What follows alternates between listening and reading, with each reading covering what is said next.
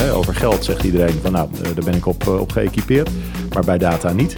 Ja, het is misschien wel net zo belangrijk als, eh, als geld. En overigens kan er meer mee. Mensen verwachten van ons, we zijn voorzichtig met hun gegevens. Mensen verwachten ook van ons, je gebruikt die gegevens ten goede voor mij. Die combinatie moet je, moet je heel goed met elkaar duiden. En, en we moeten met elkaar zorgen dat we dat gesprek, dat we dat ook bestuurlijk politiek kunnen maken. Dat, dat moet een soort van werkende motor zijn. En ja, dat is nog niet vanzelfsprekend eh, dat, ja, dat dat zo werkt. Welkom in de publieke ruimte. Een podcast over prangende vragen en taaie dilemma's die komen kijken bij een betere publieke dienstverlening. De plek waar nieuwe perspectieven een podium krijgen. Welkom, welkom in de publieke ruimte, waarin we het deze keer gaan hebben over de interbestuurlijke datastrategie. We gaan het hebben over data, een eh, onderwerp dat vroeger eh, vooral eh, technisch en door ICT-nerds werd besproken, volgens mij, Otto. Maar ja, data is ook wel heel, veel, heel waardevol, hè. Grote, grote maatschappelijke meerwaarde.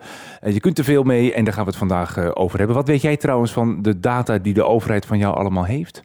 Ehm, nou, ik, ik meen me te herinneren dat eh, bij een gemiddelde gemeente rond de 18 kopietjes van mijn persoonsgegevens eh, aanwezig zijn in plaats van één. Maar dat was een aantal jaar geleden en ik kreeg laatst bericht van mijn overheid. En ik was eigenlijk aangenaam verrast als je daar kijkt. Ja? Dan zie je dus welke gegevens van jou met wie gedeeld worden. Dan denk je, nou, dus even kijken wie wat weet. Maar als je dan iets verder doorklikt, moet je weer naar de mijnomgeving van de SVB of van de Mijnbelastingdienst om, om daar door te gaan. Dus het is nog niet één, één, één happy ride, of moet je zoiets noemen, happy flow. Daar zitten we nog niet, maar eh, het, het begint te komen. Maar jouw initialen en achternaam zwerven rond door eh, overheidsland. Ja, die van iedereen. Ja, nou ja. Eh, wij zitten hoog en droog op de hoogste verdieping van het ministerie van Binnenlandse Zaken. Kijken uit over prachtig gekleurd Den Haag. En hebben drie gasten voor ons. Ja, zeker. Onze eerste gast die is sinds eh, mei 2022 kwartiermaker digitale samenleving en plaatsvervangend DG bij het ministerie van Binnenlandse Zaken. Daarvoor was hij onder andere de CIO en directeur informatiebeleid bij het ministerie van VWS, waar hij onder meer verantwoordelijk was voor de ontwikkeling van de coronamelder, de coronacheck, eh, GGD-contact en de wet elektronische gegevensuitwisseling in de zorg. Eh, Ron Roosendaal, van harte welkom in de publieke ruimte. Ehm, ja, die, de manier en het tempo waarop die coronamelder bijvoorbeeld gemaakt is en die corona-check-app, daar, daar is veel over te doen geweest. Dat dat met, een, met, met stoom en kokend water eh, er was. Eh, die aspecten van die werkwijze, hè, dat tempo, is dat, eh, kunnen we jou dan herkennen ook in je nieuwe rol?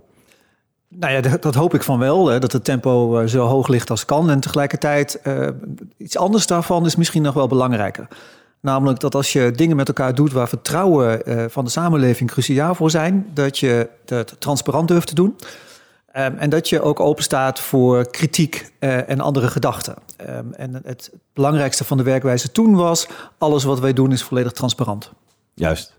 Ja, iedereen kon meekijken bij eh, de ontwikkeling van die app. Meekijken en meedoen, hè? dat gebeurde ook. Ja, Ja. ja, mooi. Eh, tweede gast is eh, directeur Beleid Informatie Samenleving bij de Vereniging eh, van Nederlandse Gemeenten, de VNG. En directeur-bestuurder van VNG Realisatie. Hij is eh, ook een van de bestuurlijke trekkers van werk en uitvoering. In het bijzonder gericht op het versnellen van de digitale agenda. Nathan Ducastel, welkom in de publieke ruimte. We hoorden jou in de vorige aflevering ook al even. eh, vanuit een paneldiscussie waar je ook bij eh, te gast was. Eh, de VNG eh, is een van de belangrijkste aanjagers hè, van de, de interbestuurlijke datastrategie. Waarom is dat zo belangrijk voor gemeenten? Ik weet niet zeker of we de belangrijkste aanjager zijn, maar wel een belangrijke aanjager. Ja, het is eh, belangrijk voor gemeenten omdat in die gemeente al die data samenkomt. En die data ook weer effect heeft op wat er op straat gebeurt, in de flat gebeurt, in de wijk gebeurt. Ehm, omdat data kan helpen bij planologische opgaven, omdat data kan helpen eh, om in het eh, sociaal domein effectief te zijn.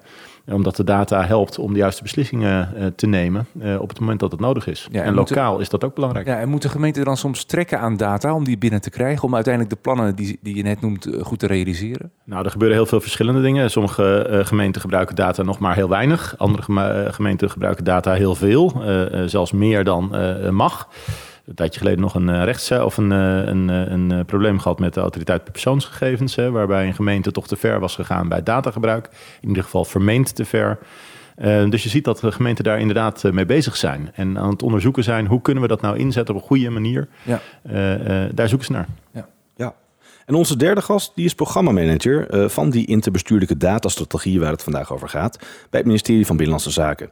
Uh, daarvoor stond hij aan de wieg van data analytics bij de SVB, de Sociale Verzekeringsbank. Dat is natuurlijk een grote uitvoeringsorganisatie in het sociaal domein. Zijn drijfveer is om maatschappelijke impact te bereiken met de toepassing van data en algoritme.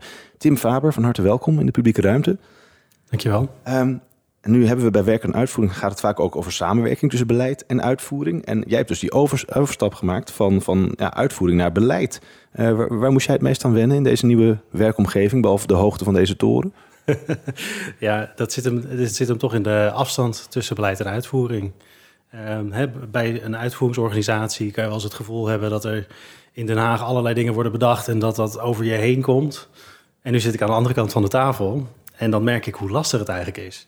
Dus dat is, uh, nou ja, dat is wel echt een van de dingen die ik meeneem en ook zie als nou ja, een uitdaging ook voor het werk wat ik nu doe. Ja, en wat is er zo lastig dan? Is het uh, lastig om, om de uitvoeringen goed bij te betrekken, om, om beleid uh, goed aan te haken? Wat, wat, wat, je zit er nu tussenin misschien? Ja, klopt. Ja. Nou, dat zit erin ten eerste dat de overheid, dat is de, waar we ons op richten, is, is nogal groot. En hoe zorg je ervoor dat je de juiste mensen op het juiste moment betrekt en uh, dat iedereen zich ook gehoord voelt? En uh, gelukkig hebben we ook wel koepels, hè, zoals de VNG en de manifestgroep en dergelijke. Uh, en, en, en toch ook vanuit de beleidskant, je wil een gevoel hebben bij wat speelt er bij de uitvoering en hè, wat is er nodig en hoe kunnen we daar vanuit beleid weer op inspelen. Dat, dat, dat moet een soort van werkende motor zijn. En ja, dat is nog niet vanzelfsprekend uh, dat, ja, dat dat zo werkt.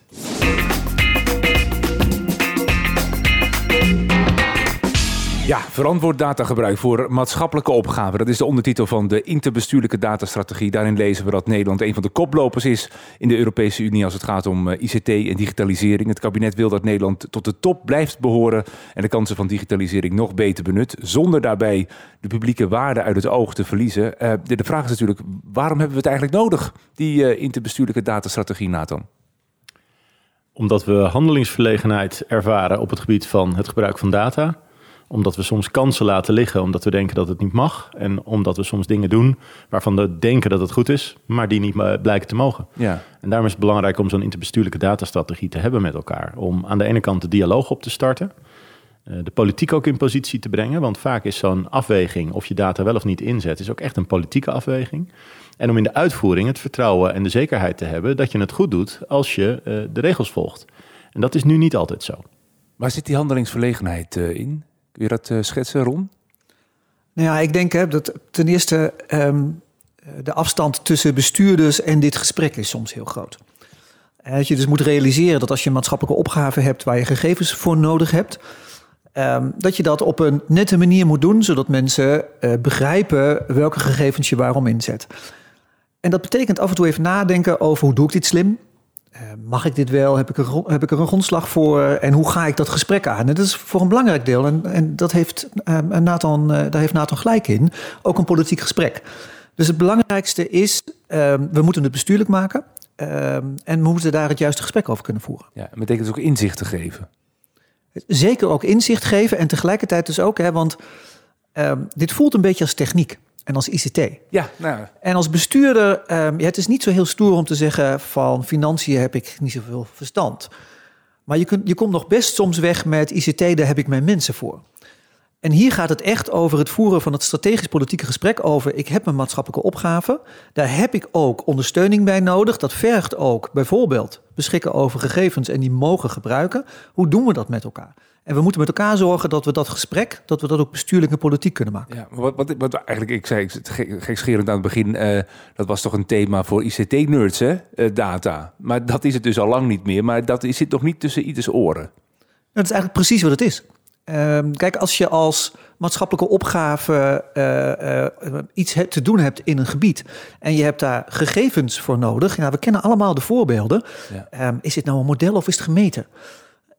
Dat, dat is een politiek gesprek ook geraakt. En dus dit gesprek over, uh, over gegevens kunnen voeren in de politieke context ten behoeve van je maatschappelijke opgave, dat is ook echt wel chefzagger geworden. Ja. Uh, mag ik even vragen, Tim, toen jij programmamanager werd, kreeg je toen ook allemaal felicitaties en bedankjes uit de Tweede Kamer van eindelijk hebben we dus iemand die het gesprek op dat niveau uh, terecht laat komen? Hoe ging zoiets? Ik heb niet allerlei felicitaties gekregen. Niet. Maar ik heb wel, eh, eh, ik, ik, was op een gegeven moment een keer, had ik een gesprek met de Algemene Rekenkamer. Uitwisselen van wat zijn jullie plannen, wat zijn onze plannen. En daar zat toevallig ook iemand bij die had een relatie met de Vaste Kamercommissie Digitale Zaken. En toen die hoorde wat we allemaal van plan waren, toen was het wel van, oh, nou, eh, volgens mij eh, gaan we nog met elkaar te maken krijgen. Dus, dus ja, ik, ik, ik hoor daar wel wat interesse. We zijn, nog wel een beetje aan het kijken van hoe gaan we dat precies vormgeven. Hè? Het is toch een soort, soort prille verkering qua fase. Of waar zitten we? Nou, we zijn in ieder geval de toenadering aan het zoeken. Dus, Kijk eh, aan. Ja, nou, dat, dat is een, een mooi begin, toch Martijn? Ja, ja, zeker. Maar, maar even, hoe, hoe is die nou tot stand gekomen, die strategie? Eh, Tim, kun je daar iets over vertellen? Ja, ja, dat was eigenlijk eh, in coronatijd. ehm, waarbij je gewoon heel erg merkte eh, nou ja, dat je zonder data stuurloos bent. Ehm, als je eh, het hebt over van wat, wat voor maatregelen leg je als overheid op aan burgers. ehm, ja, dan is het wel heel erg handig om te weten van hoe staat het met die besmettingen. Hoe erg eh, zit het qua ziekenhuisopnames en dat soort dingen. Inmiddels vinden we dat wel heel eh, logisch en, en vanzelfsprekend dat die informatie er is. Maar volgens mij is het aan het begin ook heel erg lastig geweest om dat op gang te krijgen. Maar hebben we dan een crisis nodig om, om het belang hiervan te zien? Het is, het is wel een katalysator. Het is wel het, het, het, het, zeg maar de druppel die de emmer deed overlopen. Want je merkte ineens dat in die periode... dat zowel bestuurlijk, hè, top-down en bottom-up... dat er wel echt ineens de, de roep kwam van... we moeten nu die volgende stap gaan zetten... in het databeleid van de overheid. Ja, wa- want rond, dat was toen echt pionieren, met, ook met die app. Jazeker. En tegelijkertijd, als je even een- een stapje terug doet, waar gaat dit gesprek eigenlijk over? Nou, we kennen allemaal bijvoorbeeld het maatschappelijk debat over eh, sterfte. Eh, dat gaat over ehm, hoe gevoelig zijn mijn persoonlijke gegevens. Ik heb een test afgenomen, ik eh, heb vaccinaties gehad, ik ben in het ziekenhuis beland, ik heb een diagnose gehad. Dat ervaren wij allemaal als heel persoonlijk. Ehm, en terecht, denk ik. Hè, dat deelt het ziekenhuis met niemand. En dan komt het maatschappelijke vraagstuk hoe zit het eigenlijk? En dan verwachten wij dat die gegevens wel beschikbaar zijn. En dat, dat is een, ook een politiek gesprek. Want aan de ene kant hebben we met elkaar afgesproken... sommige gegevens zijn persoonlijk en gevoelig. Die zijn dus beperkt beschikbaar. En aan de andere kant hebben we opgaven... waar je die gegevens voor nodig hebt. En wat er dus gebeurt is dat dat pregnant voeren... van het politiek-maatschappelijke gesprek... ja, dat krijg je soms over de boeg van... nou ja, urgente uitdagingen. En dat morele karakter, hè, dat hoorde ik jou ook net zeggen, Ron. Eh, de overheid heeft eigenlijk een soort morele plicht om hier eh uitspraak over te doen, om dit te verkennen.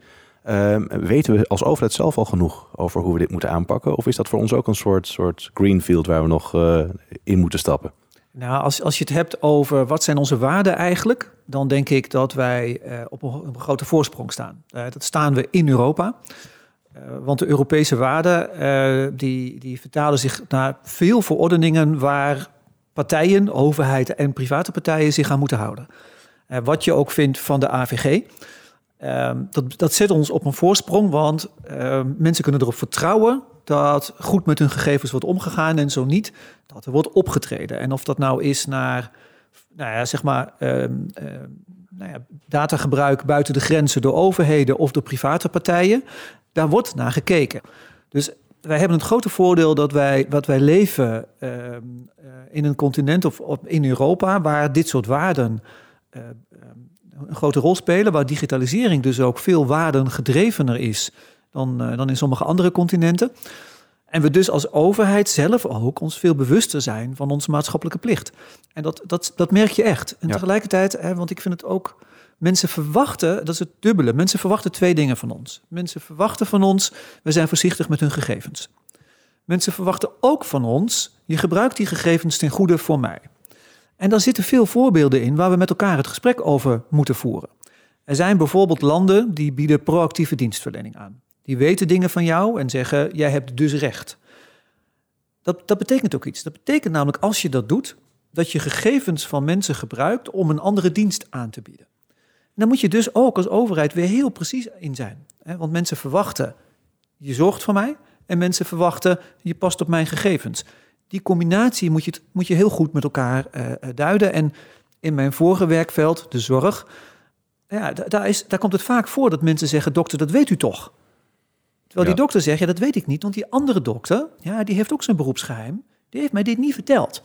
Eh, dus daar, daar heb je continu het gesprek en de spanning tussen het borgen van al die waarden en tegelijkertijd zorgen voor dienstverlening waarin je wel met behoud van al die waarden goed voor mensen kunt zorgen. Dat, dat klinkt heel uh, zorgvuldig en doordacht, maar, maar Tim, is het niet veel makkelijker om met die interbestuurlijke datastrategie gewoon te zeggen, joh, we, we wisselen gewoon alles uit. Want de AVG, dat is een, een vangnet genoeg.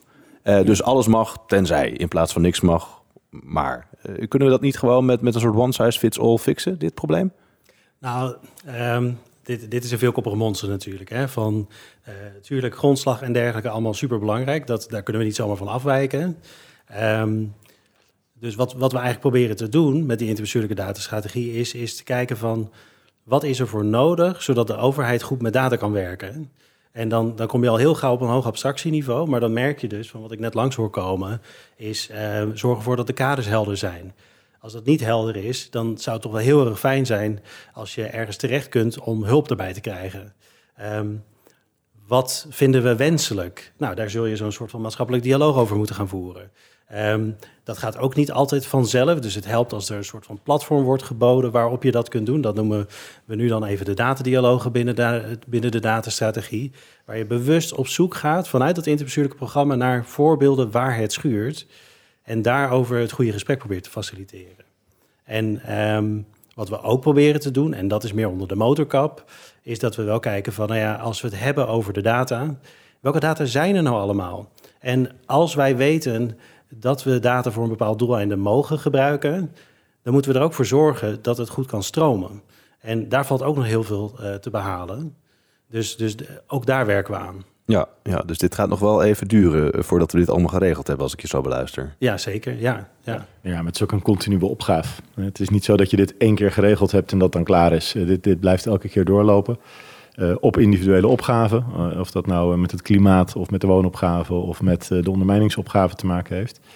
Um, ik denk dat het onze rol is. Hè, wij zitten hier allemaal als, als ambtenaren. Ik ben een soort semi-ambtenaar omdat ik bij een koepel werk. Maar goed, toch voel ik me ambtenaar. Ik ben in ieder geval geen bestuurder in de zin van politiek bestuurder. het is vooral onze rol om de goede argumenten op tafel te krijgen voor het politieke besluitvormingsproces. Um, en daar zijn we tot nu toe vaak niet heel goed toe in staat geweest. Hè? Omdat we daar ook zelf nog hiaten hebben in onze kennis. Omdat we soms er onvoldoende bewust van zijn. Uh, precies wat uh, Ron eerder zei over, hè, over geld, zegt iedereen van nou, daar ben ik op, op geëquipeerd. Maar bij data niet.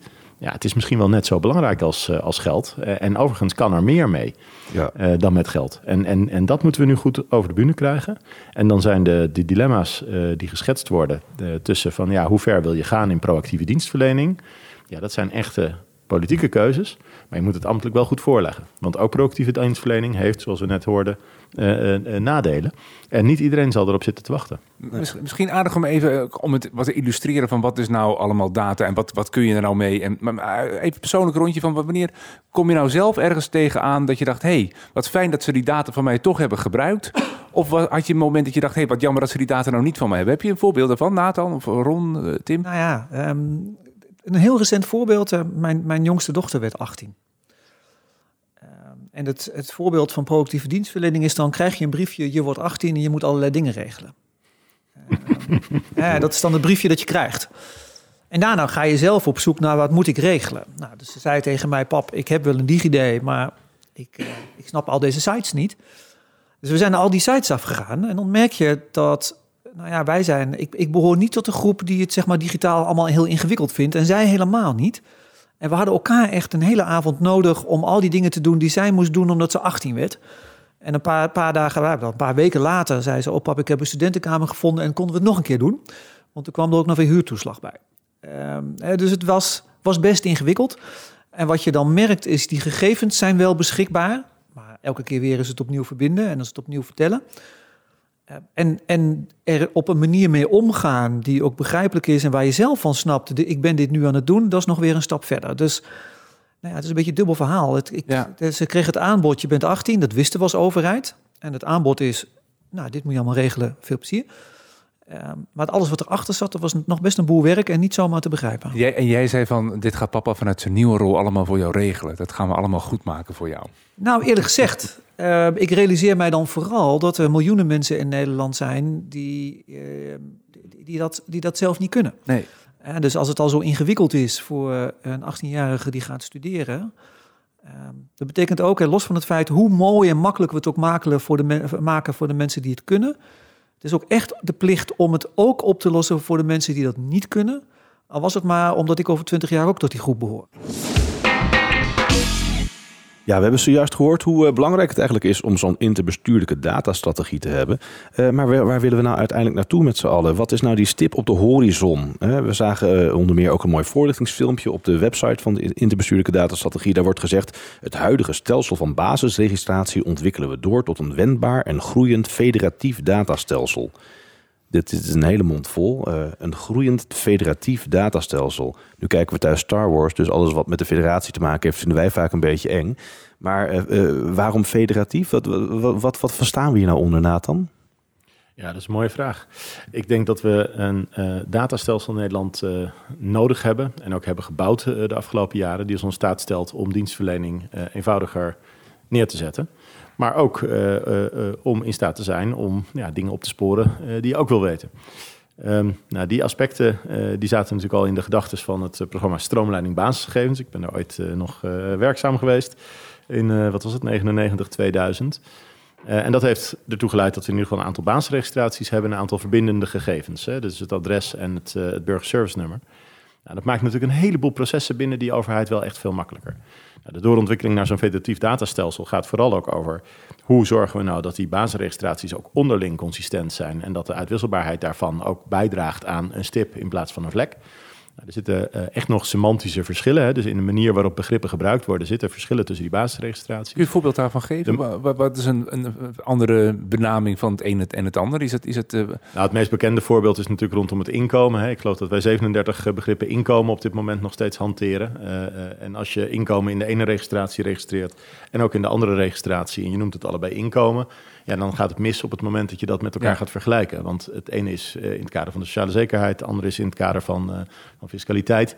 Ja, die kunnen verschillen van elkaar, want die begrippen zijn verschillend gedefinieerd. Dus die hele vraagstuk over interoperabiliteit gaat over hè, juridische interoperabiliteit. Wat mogen we wettelijk? Klopt dat met elkaar? Semantisch, hè, taalkundig, kloppen die begrippen ook met elkaar? En uiteindelijk ook technisch, hè, kunnen we het uitwisselen überhaupt? Nou, dat onderste deel, dat wordt steeds eenvoudiger. Uh, het is nog niet makkelijk, maar het wordt steeds eenvoudiger. Uh, die, die, tweede laag en die derde laag, dat semantische en dat juridische, ja, daar zit gewoon ontzettend veel complexiteit. En dat maakt het in de uitvoering ook zo moeilijk. Ik geloof erin dat de trias politica, die uh, voorkomt willekeur uiteindelijk. En die voorkomt dat een overheid ook zijn inwoners kan, kan vermorzelen, in het slechtste geval.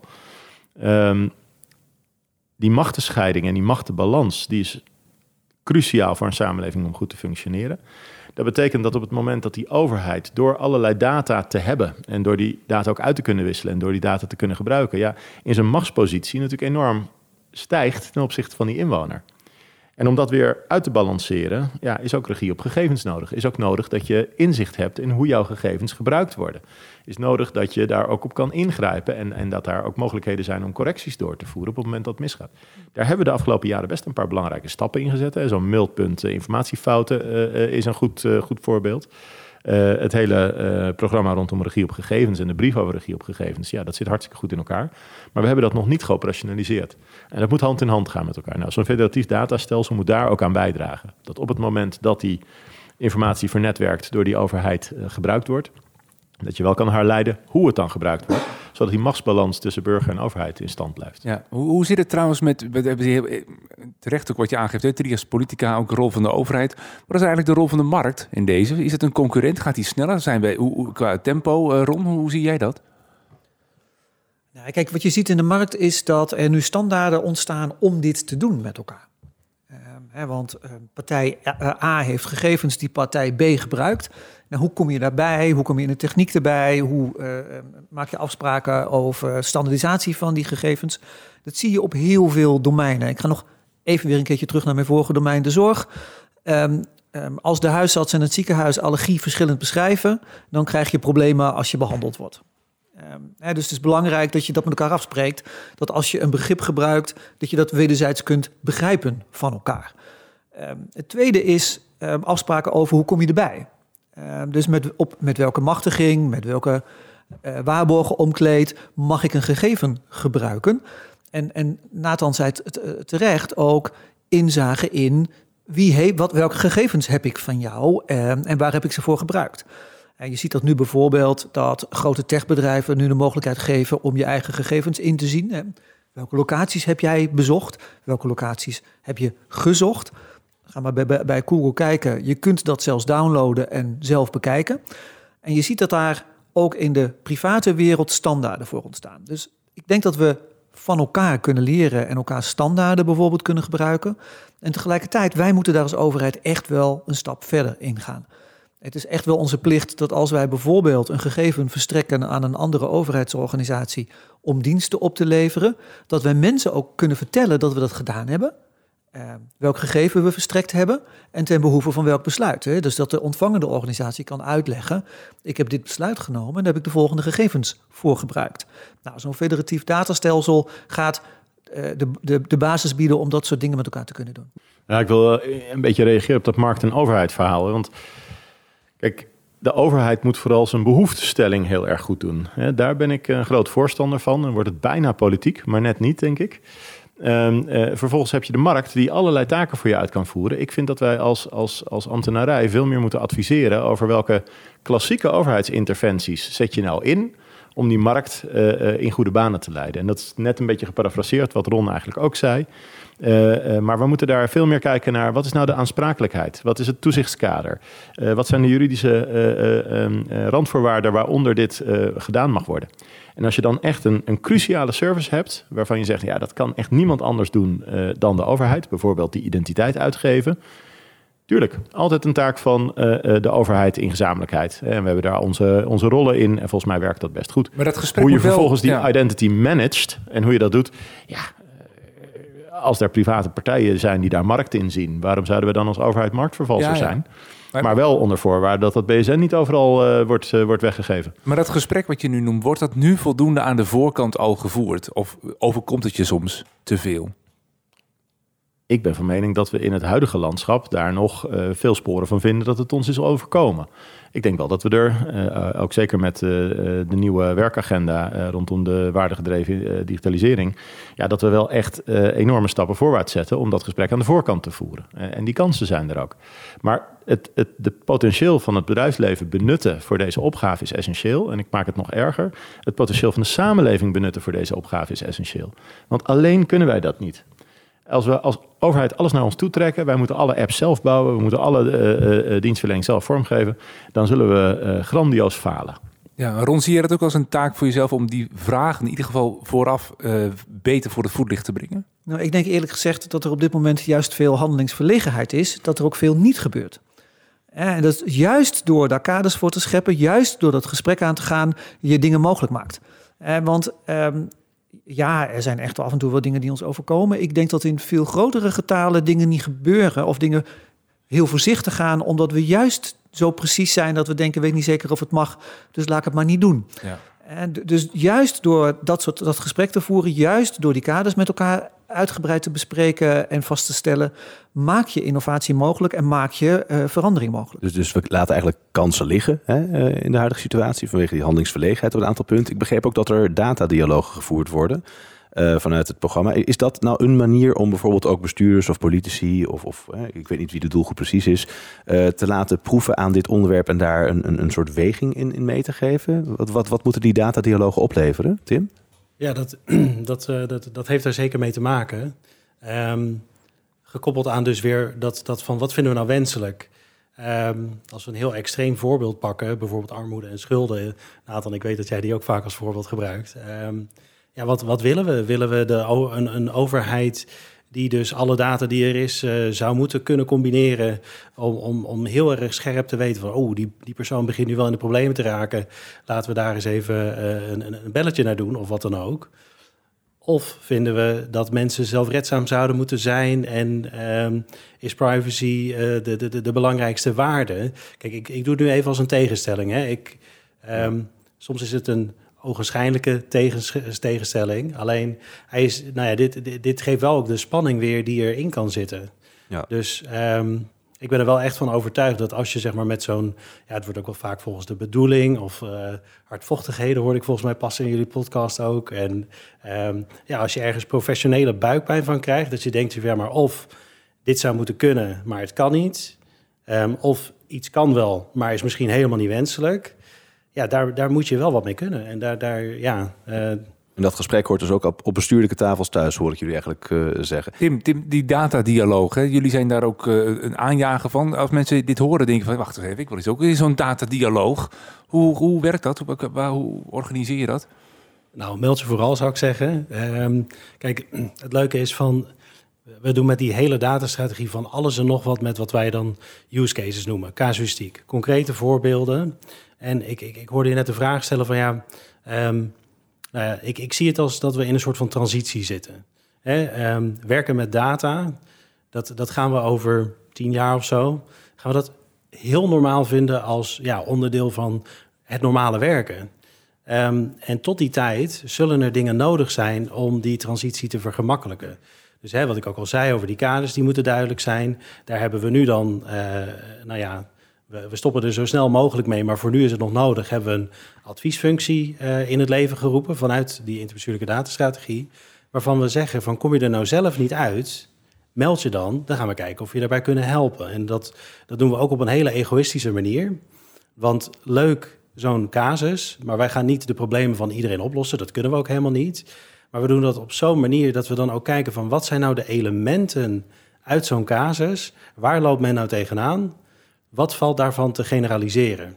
En uh, nou ja, we, we, we, hebben, we zijn er nu uh, met die adviesfunctie een jaar bezig. Zes casussen van een advies. Uh, ja, laat eens op casus horen. Wat, wat heb je voor de kiezer gekregen waarvan je dacht, hé, hey, dat kunnen we misschien wel generalistisch, kunnen we daar iets mee? Ja, ja, er zijn, er zijn twee dingen. Eentje heb ik net al even kort benoemd. Hè, de, de, die privacy enhancing technologies, die zien we als een rode draad. Dat als je het hebt over... Hè, we, pleiten ook in die datastrategie voor integrale afwegingen. Nou ja, dat, dat is ook in dit gesprek uh, ging het bijna nergens anders over.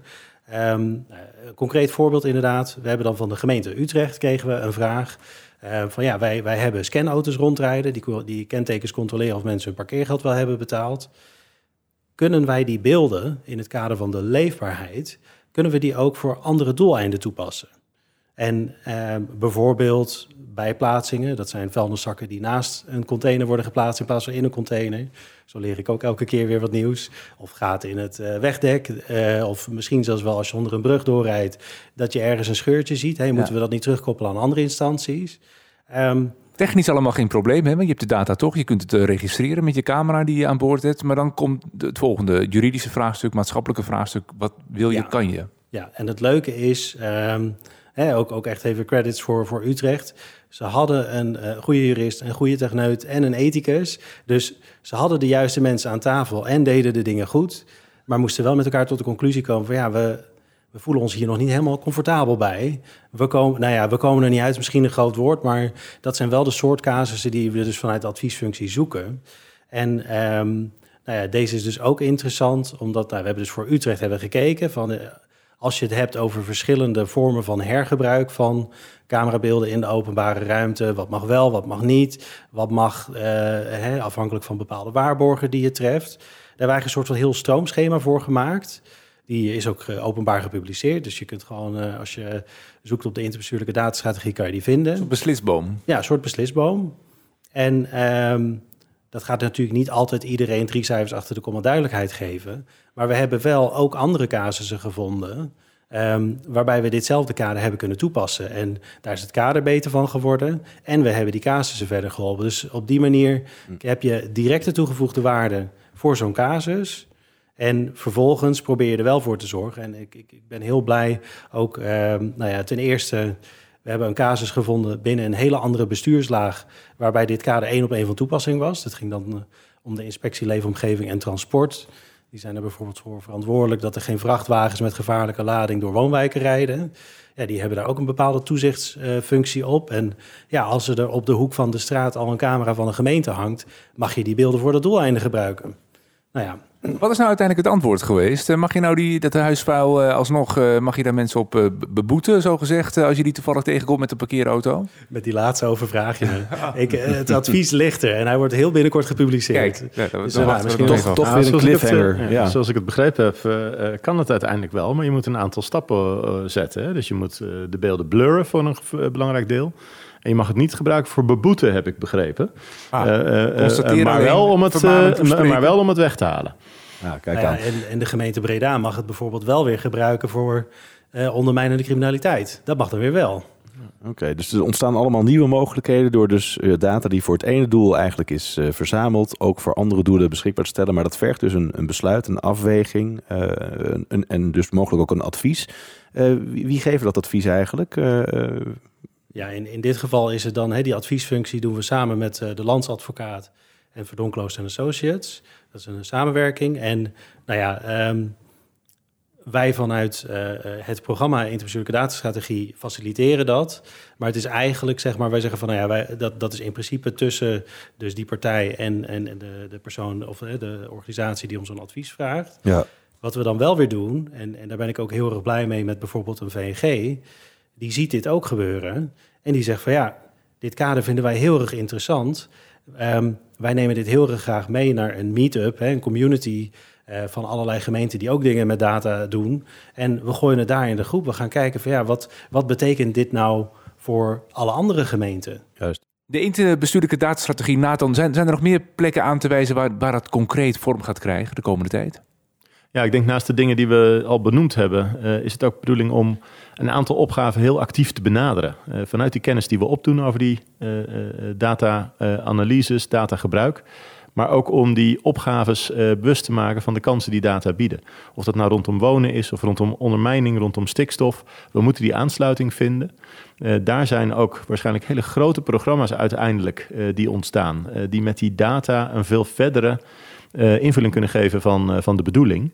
Eh, waarbij mijn ideaalbeeld, en dan begin ik een beetje te dromen, ook is dat je toch artificiële intelligentie gaat inzetten, digital twins gaat ontwikkelen rondom die opgaves, waarin je kunt proberen wat het effect is in een digitale, eh, nagespeelde situatie, voordat je die maatregelen ook daadwerkelijk neemt. Ik denk dat ons dat enorm veel gaat brengen. Eh, er is eigenlijk geen eh, zichzelf respecterend productiebedrijf dat niet een digital twin van zijn productiesysteem heeft. Ja, simpelweg omdat innovatie in dat systeem, eh, zonder dat eerst uit te proberen, ja, dat is gewoon niet, Ja. eh, niet verantwoord. En nou, waarom doen wij dat wel in de samenleving? En de prioritering van die thema's, die ligt dan weer bij de politiek. Absoluut. Hamvraag aan het eind nog even aan eh, jullie eh, alle drie. Prachtig eh, deze plannen. Hebben we de mensen ervoor? Genoeg mensen ervoor?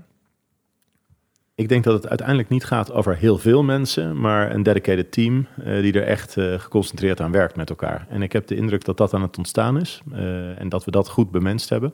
Eh, en dan kunnen die, eh, die lessons learned die daaruit volgen en die, en die handreikingen die eruit volgen, ja, die kunnen gewoon breed ingezet worden. Ja. Ron, de, de opgave voor ICT'ers binnen de Rijksoverheid is natuurlijk best een grote. Hè? Ja, dat, dat- het leuke is, nu ga je weer terug naar de nerds en de ICT'ers.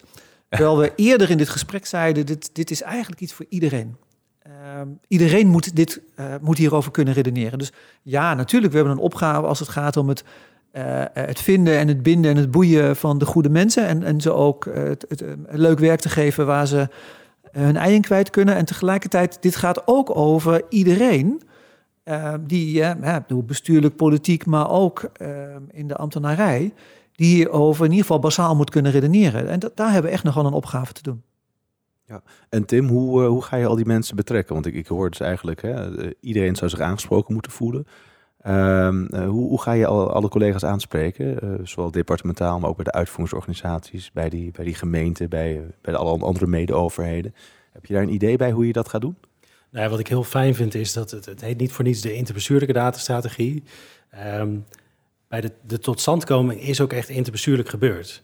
En ook het hele programma dat hieruit voortvloeit, proberen we zo interbestuurlijk mogelijk vorm te geven. Dus ehm, ik zou eigenlijk juist willen zeggen van, we, we- hebben een heel netwerk opgebouwd van allerlei mensen uit alle verschillende bestuurslagen.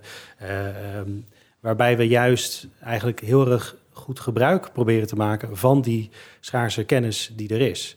Ehm, en, en ja, we proberen het aan te jagen. Dus ehm, nou, je merkt nu dat af en toe gaan we ons ongevraagd eh, hè, wat, wat, wat, wat vragen stellen. Ehm, soms doen we een handreiking van... hey, ik, lees iets in de krant. Eh, dat kan voor ons ook aanleiding zijn om contact op te nemen bijvoorbeeld.